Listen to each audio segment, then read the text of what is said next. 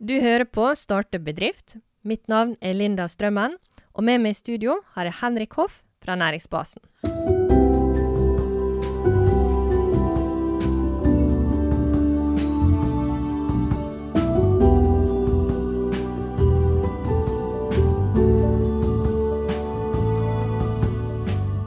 Få har vel starta flere selskap enn dagens gjest. Det sies at han er både strukturert og kreativ på samme tid. Han er i oversnittet interessert i teknologi, og har bevist gang på gang at det er noe han mestrer. Nå er det parkering og AI som gjelder. Og med seg på laget har han fått Olav Thon-gruppen og Norgesgruppen. Dagens gjest er selvfølgelig Stian Bang. Du, Stian, seriegründer kan vi vel med trygghet kalle det. Um, er det mange selskap det er snakk om? Jeg må først få lov å si at jeg liker ikke begrepet seriegründer, men en plass mellom 14 og 16 selskap har vært med å starte, i større og mindre grad. Imponerende.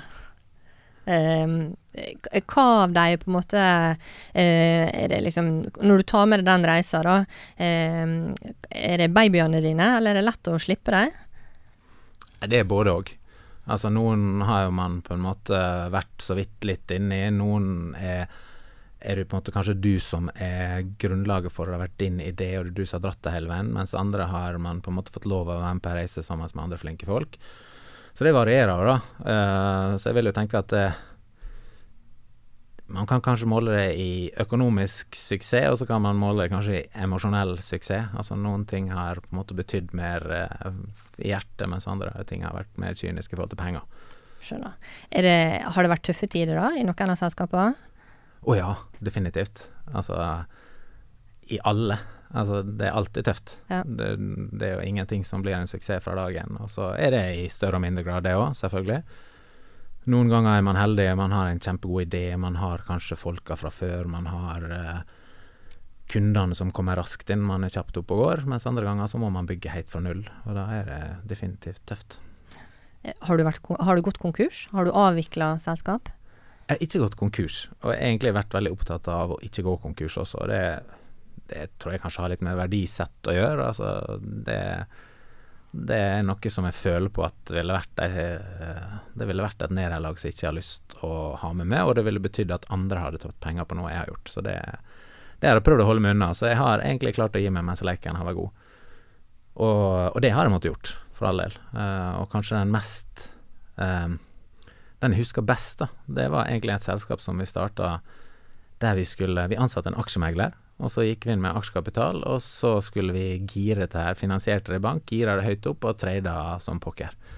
Og jeg husker etter noen måneder så tenkte jeg at hvis det er så enkelt å tjene penger, så kommer jeg til å slutte jobben min og drive med akkurat dette.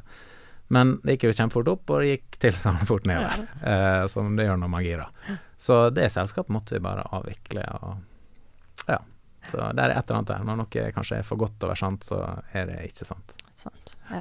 Alle selskap har jo sin, eh, sin, begynnelse og sin slutt. Så det, men tenker du at det, eh, er det litt sånn det er ditt verdisett eller omgivelser rundt som gjør at du føler at det potensielt har vært et nederlag og gått konkurs? Eh, er det ytre påvirkning som, som skaper den følelsen? Nei. Det er Jeg tror det er to ting. Det ene er vel man kommer fra en bakgrunn der man driver med idrett hele livet, man liker å vinne.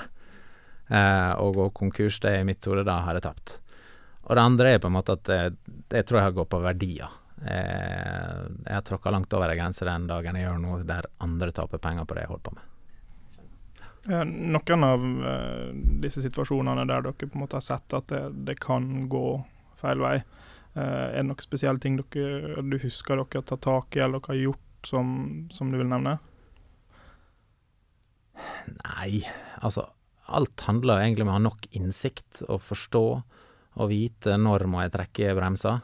Uh, og så gjør man selvfølgelig alt man kan. Altså, man, man, prøver jo alle utveier man ser, og man jobber jo steinhardt i sånne perioder for å få det til. Og Noen ganger så går det, og andre ganger så går ikke det. Så, men som regel så er det jo en knivsegg, da. For det, det, man ønsker jo ikke å gi seg heller, sant. Så man må på en måte finne akkurat det punktet der at nå er nok nok. Ja. Um, og vært en av suksessene Avento. Uh, det ble jo en, en, suksess og endte opp med å bli kjøpt av, uh, av Visma og er nå uh, Today. Uh, kan du fortelle litt om den oppkjøpsprosessen dere var gjennom der? Eh, var det andre enn Visma som var interessert? Ja, eh, det fine med Avento, da, det var at når vi starta det, så hadde vi ingen ambisjon om å bygge et selskap som skulle selges. Det var helt sekundært for oss. Vi, vi, vi, det var ikke en del av planen i det hele tatt. Det viktigste for oss med Avento det var egentlig å skape en arbeidsplass der vi trivdes, hadde det gøy, eh, og der vi tjente greit med penger på bunnlinja fra måned til måned. Og så får du naturlig nok noen sånn friere etter veien. Eh, og mange år før vi solgte, så var det like før vi solgte. Vi takka faktisk ja muntlig. Eh, og så angra jeg meg samme dag som vi skulle signere, så tenkte jeg nei, dette kan ikke vi gjøre. Så da trakk jeg meg for det. Det var ikke veldig populært, det kan jeg love deg. Eh, så det som skjedde når vi faktisk solgte, det var at vi fikk to forespørsler på ei uke. Uh, og det var vel det som egentlig trigga at vi faktisk gikk videre. For vi var ikke ute og leita etter nye eiere. Um, uh, og den ene som kom og spurte oss, det var et britisk selskap, børsnotert i, i London, og det syns vi egentlig var Da ble vi litt sånn starstruck og tenkte dette er litt kult. Så de hadde enormt store ambisjoner, altså. Så da bestemte vi oss for at ok, nå har vi to, vi kan spille dem litt opp mot hverandre. Vi kjører en liten prosess. Uh, så vi leide inn noen rådgivere, og så identifiserte vi åtte selskap i Norge som vi tenkte disse kunne vi tenkt oss å vært en del av. Så dro vi på turné og hadde møte med disse åtte og presenterte oss og konseptet vårt og i det hele tatt. Og endte opp med seks bud på selskapet. Uh, så vi var ekstremt privilegerte. Så da var det egentlig det neste var jo å få med oss fire kanskje som var hovedaksjonærer på det tidspunktet, og bestemme oss for hva retning ønsker vi å gå. Uh, og det er jo todelt. Det ene er jo hva ønsker vi som eiere, og det andre er jo hva ønsker vi for alle de nesten 100 ansatte som vi hadde. sant? For det er et ansvar man har. Um, og da er det, kan man gå i, i, retning av en finansiell investor, eller skal man ha en industriell investor, osv. Ja, osv. Uh, vi kokte det ned til to. Uh, og vi hadde frist en fredag klokka fire, og halv fire så satt vi og visste ikke hva vi skulle Oi. velge. og vi var egentlig også litt delt, da. Uh, det skal sies at jeg var ikke den som ville ha Visma, men det gikk veldig mye på at jeg hadde fått en veldig god relasjon til han som var administrerende direktør i det andre selskapet. Uh, men vi endte på Visma, og det er vi egentlig kjempeglad for. Det har vært en super reise, altså. Og kjempeinteressant å lære ikke minst hvordan disse selskapene kjøper andre selskaper, altså hva type modeller har de, hva er viktig for dem. Uh, det å ha vært gjennom en DD med Visma er jo i seg selv en opplevelse, for de kommer med x antall team. Sant? De kommer med et juridisk team som skal ha en juridisk DD, de kommer med et HR-team. De kommer med et tech-team, de kommer åpenbart med revisorer som skal ta det økonomisk osv. Det er en ganske heftig prosess å være med på. Når du sitter i den earnout-perioden etterpå, hvordan er det?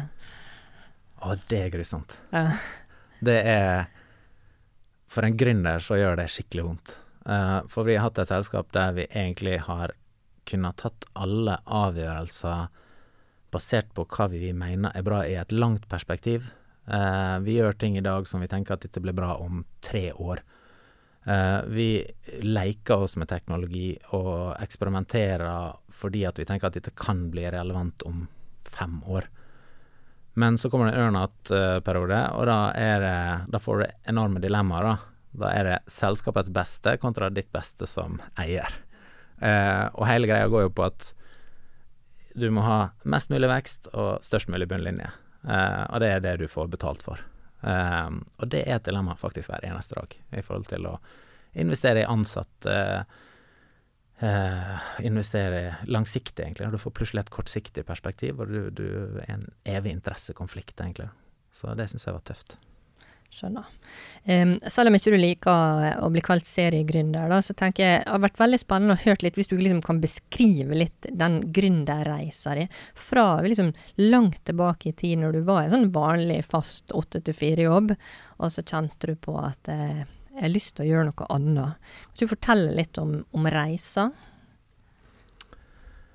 Ja, eh, jeg tror jo på en måte at man man, man kalles kanskje gründer hvis man starter et selskap fra bunnen av, men samtidig så man kan like gjerne være gründer i å jobbe i en stor bank. Jeg tror det å være gründer handler litt om mindset. Det handler om å ha evnen til å se muligheter, og ikke minst å gripe mulighetene. Og det kan man like gjerne gjøre innenfor en selskap som Storbrann eller Sparebanken Møre. Det handler egentlig bare om å få lov til å gjøre det, da. Uh, og så er det selvfølgelig beveger seg kanskje litt saktere, da. Men Så sånn sett så var det egentlig tilfeldig at jeg ble gründer, altså. Uh, det ja, jeg flytta opp igjen hit, begynte i et konsulentselskap. Uh, satt der i seks måneder, så ringte Storbrann og sa kan vi få lov å leie det tilbake. Og så gjorde jeg det i noen måneder, så tenkte jeg dette kan jeg like gjerne gjøre sjøl, for de leier ikke det konsulentselskapet, de leier med. Da starta jeg mitt første selskap, uh, som den gangen het Onit, On IT, som var jo rundt år 2000. Veldig, veldig kult. Jeg var veldig fornøyd med domenet.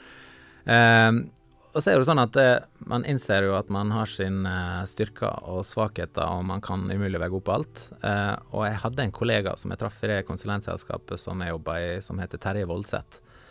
Uh, og det er, tør jeg påstå, er smarteste fyren jeg noen gang har møtt. Og han kunne alt som ikke jeg var god på.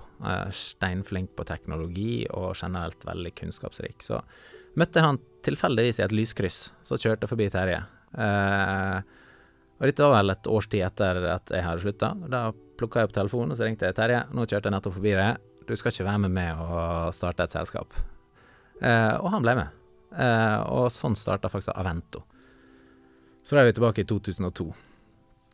Eh, og så gikk egentlig ting veldig fort. Det var knallhardt arbeid. Altså vi Husker vi jobba noen få måneder, så hadde vi lagd vår første publiseringsløsning. Vi lagde nettbutikker etter, sek, etter, seks måneder, og ting gikk egentlig veldig fort. da. Og så tror jeg vi kom til 2006. Da gikk vår tidligere arbeidsgiver konkurs. Det var det selskapet der vi traff hverandre. Eh, og da tenkte vi at jøss, her er jo en mulighet. Vi kjenner masse folk, de er flinke. Så vi gikk og plukka seks stykker. Vi sa disse folka vil vi ha med oss. Og på det tidspunktet så var jo det større enn det vi sjøl var, så det var et ganske stort løft. da. Men det viste seg å gå helt strålende, så da ble vi plutselig dobla i størrelse. Eh, så er det fine med å jobbe i konsulentselskap, det er at du får lov å jobbe med veldig mange ulike bransjer, eh, og du blir kjent med masse spennende folk. Du ser hva type ideer de har, og du ser hvordan ting funker fra den ene bransjen til den andre. Og vi har hatt store kunder, og vi har hatt små kunder, og mange av dem har vært gründere. Eh, og til felles for veldig mange av gründerne er at de har ikke nok penger. Eh, de undervurderer fullstendig hva det koster å bygge et eller annet. Så vi har jo bygd systemer og applikasjoner for titalls gründere, vi. Og du ser veldig fort hvem som kommer til å lykkes, og hvem som ikke kommer til å lykkes. Og i noen av tilfeller så har vi endt opp med å bli eiere på den måten. Vi har sett at dette har vi tro på.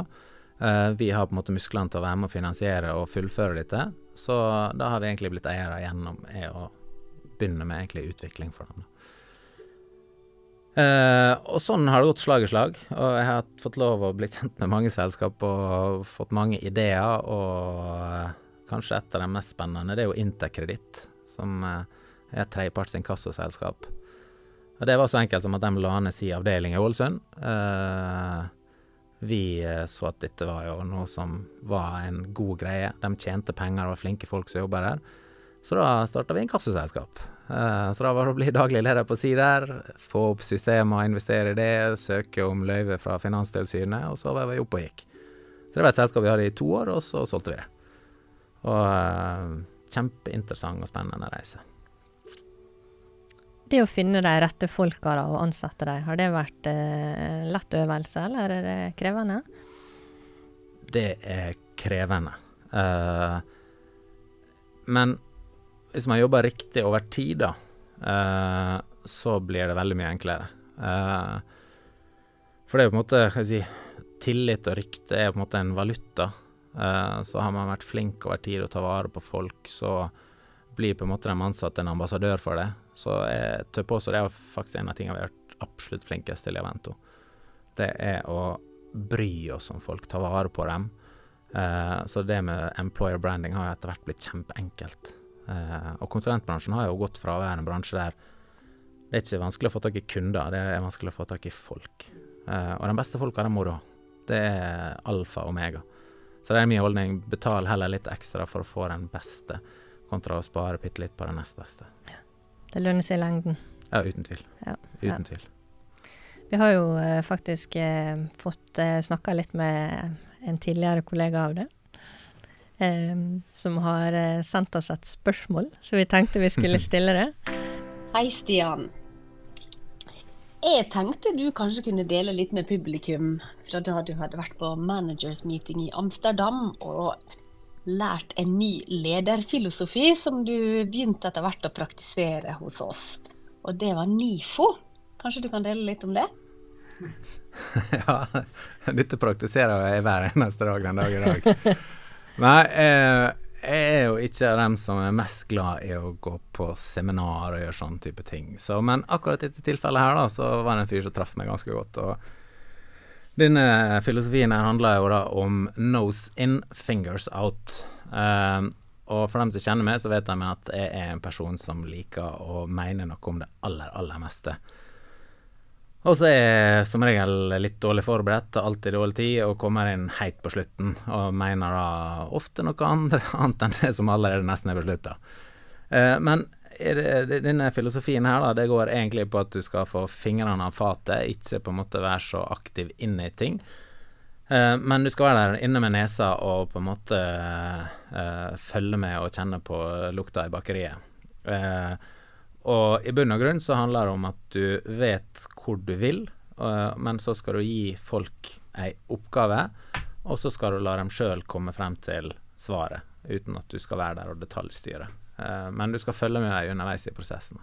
Så dette la jeg inn som bakgrunn på telefonen min for å minne meg på at uh, dette skulle bli flinkere på. Og om jeg faktisk ble det eller ei, det vet jeg egentlig ikke. Men jeg tror jeg ble såpass flink at den dagen jeg slutta, så hadde Toril og Torstein full kontroll på Avento, og jeg kunne gå derfra og være trygg på at dette var den beste hender. Så. Har du bytta bakgrunn i dag, da? Jeg bytta bakgrunn. Nå er det barna mine.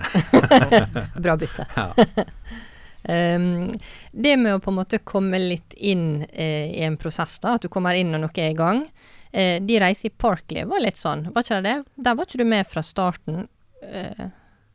Nei, jeg jobba ikke der fra, start, fra starten, men det er klart, ideen til Parkley den oppstod rundt ei bålpanne på hytta på Fjellsetra. der satt jeg med en kompis som eier en del eiendom. Og han var rett og slett frustrert fordi at han prøvde å få et tilbud på å regulere parkeringsanleggene sine. Og da begynte vi å drodle på at dette må vi kunne gjøre bedre. Og hvor vanskelig kan det være? Det er jo en naiv tilnærming som alle har når det gjelder et IT-prosjekt. Uh, eh, og så var det en greie der vi egentlig jo mer vi kikka på det, jo mer rett ble det. det var på en måte et marked som var dominert av tre store aktører. De hadde relativt gammeldagse forretningsmodeller. De hadde høye engangsinvesteringer, de tok en stor del av omsetninga di. Når vi begynte å se på kundene, så var det ganske lav kundetilfredshet. Og så begynte vi å se på forretningsmodellene i bunnen, og så viste det seg egentlig at dem var mye av grunnen til at sluttbrukeren, altså bilisten til syvende og sist, var misfornøyd når det kom til parkering. Uh, og så var det også ei tid der vi så at teknologien gjorde at markedet kunne egentlig tidobles på kort tid, uh, fordi at uh, man kunne eliminere manuelle prosesser og egentlig automatisere dem. Og Dermed så kunne man regulere langt flere parkeringsanlegg. Da. Så det var et marked som det vi tenkte at dette kan gå fra å være 1000 spennende anlegg i Norge til å være 20 000 over natta, egentlig. Så egentlig jo mer vi kikka på det, jo mer riktig ble det. Uh, så da starta vi det selskapet. Uh, jeg satt jo da i min Visma på det tidspunktet. Så uh, dermed så kunne jeg ikke jobbe der. Så derfor har jeg vært i Parkley kun et år. Men jeg har jo vært med tett hele veien, egentlig. da. Bare, er, der, er, det en suksessdriver, det at dere faktisk på en måte Det at man observerer et behov, og så eh, utarbeide et produkt eller et tilbud, en tjeneste, eh, kontra det å tenke jeg har en god idé, jeg skal skape et eh, marked. Så identifiserte jo dere i dette tilfellet et marked, og så prøvde dere å eh, tette det behovet, da. Eh, det er vel kanskje noe som har vært litt sånn fellesnevner i flere av de tinga du har gjort. Tror du det er en, en driver for suksess? Altså, jeg tror det som kanskje er en rød tråd for min del, er at magien ligger egentlig når noen kjenner og ser de teknologiske eller digitale mulighetene, eller kall det hva du vil, og du klarer å kombinere det med noen som har en eller annen form for forretningsforståelse. Altså det er jo klassiske, Går du ti år tilbake, så var jo på en måte den tradisjonelle IT-sjefen han var den største flaskehalsen som noen gang har vært. Fordi han satt og eide teknologien. Og det er først siste årene når vi egentlig har flytta teknologieierskapet ut i forretningsenhetene, det da bedriftene på en måte blir bedre og flytter seg fremover. Sant? Og det tror jeg kanskje er det som er min styrke. Jeg har fått lov å jobbe med så mange selskap opp igjennom at jeg er blitt flink å jobbe i grensesnittet mellom forretningsutvikling og teknologi. Så med en gang jeg får et eller annet forretningsmessig problem eller en mulighet, så tenker teknologi hvordan kan vi gjøre dette bedre, smartere og mer effektivt. Eh, ja, Stian, når vi er inne på, på um, teknologi, um, er det skummelt å satse på én type teknologi nå i disse tider? Kommer ikke noe nytt rett rundt hjørnet hver gang? Jo, men det er ikke skummelt, det er gøy. Uh, man må bare sørge for ikke å havne for langt bakpå. Og så må man sørge for å være oppdatert, og så må man sørge for at når man bygger systemene sine, så må man på en måte tenke over hva er det som er brød og melk-funksjonalitet som vil være den samme over tid som er på en måte kanskje kjernen i systemet ditt, motoren. Der er det litt som skjer, for om den er programmert i det ene programmeringsspråket eller andre, spiller ingen rolle. Men ta Parkley, da. Så er det i dag så sier vi at vi driver med kamerateknologi. Eh, men vi har jo sørga for å bygge alle applikasjonene våre på en måte som gjør at om kamerateknologien blir disrupta av noe helt annet, som jeg tror den vil bli i løpet av et par år, så står konseptet vårt, forretningsmodellen og systemene seg like godt. da. Så jeg vil jo tenke et eksempel for Parkley. Er, hvorfor skal vi drive og lese biler med kamera mens bruke en million kroner i hardware på det, istedenfor å bruke fem millioner kroner på å kjøpe inn en chip til alle i Norge og legge den i bilen, og så har vi 100 lesekvalitet. Uh, og Den dagen vi tar oss råd til å gjøre det, så har vi på en måte disrupta hele markedet. Og hvis vi er sleip nok til å lage en chip som bare våre ting kan lese, så har du plutselig nesten et monopol. Sant? Masse sånne ting, ting man må tenke over. Har det skjedd på de reiser at uh, dere har kommet opp med en idé eller en produkt, og så er det noen som kommer inn fra sidelinja og tar over? Ikke så jeg kommer på sånn umiddelbart, men det fine er jo at eh, Altså Går du ti år tilbake igjen, da, så hadde vi mye bedre tid enn vi har i dag. Verden flytter fortere på seg i dag når det gjelder teknologi, men markedet gjør nødvendigvis ikke det, da. Så selv om måte, det kommer masse spennende ny teknologi, så er det ikke sikkert at markedet er moden for å kjøpe den og ta den i bruk. Uh, så derfor så har man en dag i dag også ganske god tid. da. Ta en kunde med oss i dag, de sitter, de sitter i femårskontrakter. Sant? Så det er jo det en treig materie å flytte på selve markedet. Så man har tid, da, men man skal ikke sove så altfor lenge før man har ei utfordring, altså. Så det gjelder å ta seg tid til å leke seg med hvordan dette kan se ut fremover, og bygge for fremtida. Og det er jo en av våre forser, Eh, I dag så har vi på en måte en, en tipp topp moderne plattform som er bygd for det parkering skal være i fremtida. Mens konkurrentene våre har masse teknisk gjeld og beveger seg veldig sakte. Eh, det er jo kanskje et av de største konkurransefortrinnene våre. For, for, der parkering historisk sett var en isolert tjeneste, så er det i fremtida forventa at det er en integrert del av en eller annen reise.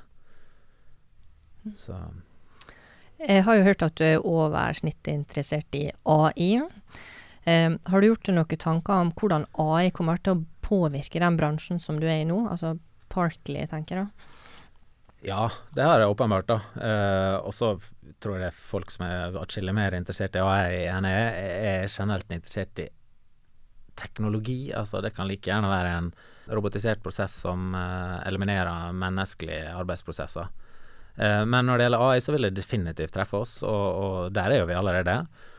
Og så tror jeg det eh, gjelder å være kreativ, da, og finne på en måte hvordan kan vi benytte dette. For det har jo vært egentlig store problemer med AI. da. Jeg har jo sittet i konsulentbransjen, og vi har jo leita etter prosjekt der vi kan få lov å bruke AI, men det er ingen som egentlig som har hatt dem. da. Men nå er jo på en måte teknologien kommet dit at nå er det egentlig nesten allemannseie. Så dette går jo, treffer jo oss fra Ta en så enkel ting som nettsiden vår. da der vi tidligere hadde hatt et abonnement på en eller annen stokktjeneste for å kjøpe bilde. Eh, og vi kanskje hadde hatt en fotograf som vi leide inn for 200 000 kroner for å ta bilde som var relevant for parkering. Så har vi et abonnement nå på Midjourney, og vi har laga oss en profil som gjør at vi genererer bilder til 39 kroner måneden. Uh, vi har AI-tjenester som gjør at når vi sender ut et nyhetsbrev, så kanskje er det bedre at er den skriveren, at vi skal bruke tid på det. Og det er jo på en måte Det er jo de enkle tinga. Vi bruker jo i tillegg AI som et supplement til kamerateknologi. Kamerateknologien er egentlig gammel. Det er OCR-teknologi som banknæringa har brukt i mange år sant, for å tolke tekst. Men eh, vi tar jo da den bildet f.eks. som OCR-teknologien ikke klarer å tolke. Dem sender vi opp i Asher sin eh, AI-motor som heter Asher Cognitive Services, og så bruker vi bildeteknologi og har fem forskjellige maskinlæringsalgoritmer. Og de står og trener seg og blir bedre og bedre, som gjør at vi i dag tar 83% av de bildene som kameraene ikke klarer å ta. Og så tror jeg det neste for vår del det vil være egentlig optimalisere inntjening for kundene våre. Uh, vi eier jo masse data i forhold til mobilitet. Vi har masse data der vi kan identifisere mønster. og Det kan være mønster i løpet av timene i et døgn, eller dagene i en uke, eller månedene i et år. Uh, og så kan man også si at det kan man sitte og kikke på i dag og si hvordan kan jeg lage nye tjenester som gjør at jeg, jeg utnytter kapasiteten bedre, jeg klarer å få opp prisene osv. osv. Og det er jo en sånn ypperlig case for å bruke AI. Altså her er jo det egentlig bare å, å finne ut hvordan vi skal gjøre det, og så vil eh, AI-en automatisk egentlig foreslå hvordan vi skal få en helt optimal eh, utnyttelse av kapasiteten, og dermed egentlig omsetninga til kunden vår. Og da blir det plutselig irrelevant hva vår tjeneste koster, da er den store verdien egentlig hva vi klarer å øke omsetninga til kunden vår. Så det er mange sånne ting. Mm. Det gjelder igjen da bare å være kreativ og ja. lete etter hvordan kan vi gjøre dette. Ja. Du, du, jeg tenker at du er jo Du har mange baller i lufta, og du har hatt det opp gjennom eh, eh i mange, mange år. Eh, det med det liksom eh, ja, skal se hvordan jeg si det da. Altså, det med de hektiske åra, da. Eh, har det vært perioder der det er liksom lite søvn, og, og, at man har dårlig samvittighet fordi man er mye vekke fra familien sin? Er det krevende tider sånn privat i forhold til eh, å være så aktiv? Ja. Spørsmålet er vel har det, har det vært det motsatte noen gang. Si. Nei, det er det, da. Det, er, det å drive for sjøl, det er knallhardt arbeid. Det er altså ferdig snakka. Det er Og det er et eller annet med at du Som regel så er du ganske alene. Det er små selskap, og ikke bare er du den som skal drive det, men du er også den som på en måte har den økonomiske risikoen. Uh, og du har få å dele problemene dine med. Det betyr at du eier problem 24-7. Du eier alle bekymringene. Du eier mye av gleden også, men du eier definitivt alle bekymringene. Så da må man lære seg å bli hardhuda. Altså man blir veldig sånn uh, flink til å si at det jeg ikke kan gjøre noe med, det bruker jeg ikke et sekund på. Da er jeg videre med en gang. Uh, til det jeg kan faktisk gjøre noe med. da. Så det har vært mange lange netter. Jeg har vel ofra nesten hver eneste søndag i 20 år har jeg jobba. Eh, og det har aldri gått uten verdens mest fantastiske kone. Uh, hun er jo definitivt en del av det vi har fått til. Så uh, uten henne så hadde dette aldri gått. Mm. Så jeg har aldri hatt en dag med pappapermisjon, for å si det sånn, og jeg har tre jenter. Ja. Hun drar lasset, da. Ja, uten tvil. Ja. Uten tvil. Ja. Du snakka litt om den økonomis økonomiske risikoen. Um, når du gikk ut fra store brann, uh, fra det sikre til det usikre, hvordan Hadde du forberedt det lenge? Kasta du det bare ut i det? Har du tenkt over økonomien i det hele tatt? For du har snakka om at du har vært opptatt av at det skal være på plass, men var det det allerede første gang? Ja, Det fine akkurat når vi begynte, var jo på en måte at jeg visste jo at storbrann ville ha meg. Så jeg gikk jo ut og hadde egentlig en 100% jobb der jeg kunne fakturere en høy timepris. Så den økonomiske risikoen når jeg gikk ut, den var liten på kort horisont i hvert fall. da. Og så vet jo man ikke på litt lengre horisont, da, for det var jo seks og seks måneder. Men som jeg sa i sted, vi har et nettverk rundt oss i Norge som gjør at det er jo egentlig generelt liten risiko å starte noe i Norge. Det er bare å tørre å prøve, altså. Så, um, Hvis du kunne på en måte dratt tilbake i tid og gitt deg sjøl, den unge Stian, et godt råd, hva det hadde vært? det tror jeg spørs når du spør meg. Enkelte ganger så ville jeg sagt uh, får en åtte til fire-jobb i stormann og er lykkelig. Ja. Andre ganger så har jeg sagt kjør på. Uh, nei, hva skal man svare på det? Uh, jeg, jeg angrer egentlig på ingenting jeg har gjort. Uh, jeg føler meg ekstremt privilegert som har fått lov å holde på med det jeg har holdt på med, så mitt råd hadde vært kjør på, prøv. Mm. Altså, ta sjansen. Ja, ta sjansen, altså. Men vær forberedt på at du må, du må jobbe for det. Mm. Det er ingenting som kommer enkelt. Så, men samtidig så er det jo masse glede òg, altså. Mm. Uten tvil. Ja. Bra råd. Og så har jo du snakka litt om å knytte til seg folk, flinke folk. Ja. Og det er jo sikkert òg en suksessdriver. Ja. Ja, det er jo ekstremt viktig å si, for det, det er jo ingenting av dette hadde vært uh, mulig hadde ikke vært for folka som har vært med på det. Uh, og dette er jo på ingen måte noe sånn one man show. Uh, kombinasjonen av Terje og meg, f.eks., eh, den var helt ypperlig. jeg hadde var flink kommersielt, og Terje var en gudbenåda teknolog. så vi utfylte hverandre godt. Og, sånn er det i Parkley i dag òg. en av første tingene jeg gjorde der når jeg begynte for litt over et år siden, var jo å bygge det teamet jeg vil ha for fremtida. Og de siste brikkene falt på plass der for en måned eller to siden, så nå er vi en gjeng som jeg har ståltro på. Og det handler egentlig om å finne folk som gjør at du kan sove godt om natta. Altså Så enkelt er det egentlig. Du trenger å finne folk som du vet tar ansvar når de har fått en jobb å gjøre, så gjør de den jobben mm. uten at du trenger å ha nose in. Ja. Nei, fingers in. så nose in, det har jeg nok ennå. Ja. Men uh, så teamet er det er alfa og meg. Ja. Eh, og som jeg sa i sted, der betaler jeg heller litt ekstra for å få de flinkeste folka. Parkley om fem år, hvor er selskapet?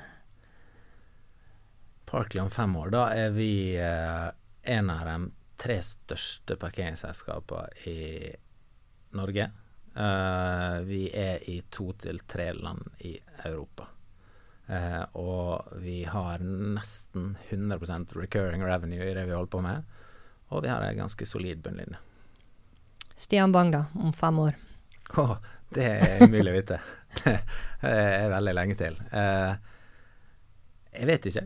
Mest sannsynlig, har du spurt meg nå, så, så ville jeg sagt det er i Parkley, for jeg syns den reisa er utrolig kult. Samtidig så har jeg to-tre andre ideer som jeg gjerne kunne tenkt meg å holde på med, men eh, akkurat nå så er det uten tvil Parkley som gjelder. Og så får vi se. Jeg er ikke noe sånn Jeg har ikke tenkt å klamre meg til min posisjon, sånn som i Avento, så tenkte jeg at nå var det helt topp at andre krefter fikk lov å komme inn og gjøre det på sin måte. Jeg har gjort på min måte i 20 år.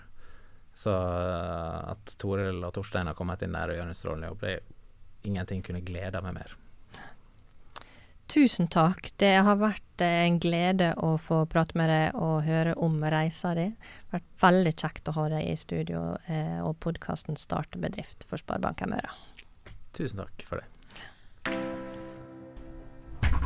Ja, Henrik, da gikk han, Stian. Fy søren, fascinerende fyr som kan mye. Inspirerende å høre på han klarer vi å liksom oppsummere i tre punkt eh, det vi sitter igjen med av inntrykk eh, etter denne samtalen? Ja, det var mye interessant, men uh, vi kan prøve oss på, på tre punkt. Uh, nummer én er at han tør å hoppe i det. Han satser alt. Uh, han går inn med hud og hår i det han skal drive med, og, og får betalt for det i, i, form av den suksessen han har hatt. nummer to det er at han er veldig opptatt av å tilknytte seg de rette folka. Han henter kompetanse han vet kanskje han ikke innehar, og så stoler han på at de håndterer de delene av eh, drifta eller selskapet som kanskje han ikke er like god på. Nummer tre det er at uh, han vet når han skal gi slipp. Han snakker om økonomisk og følelsesmessig gevinst og investering, og han klarer å sette dem opp mot hverandre og, og ta den avgjørelsen basert på det, det, det økonomiske eller det følelsesmessige, og så handler han ut ifra det.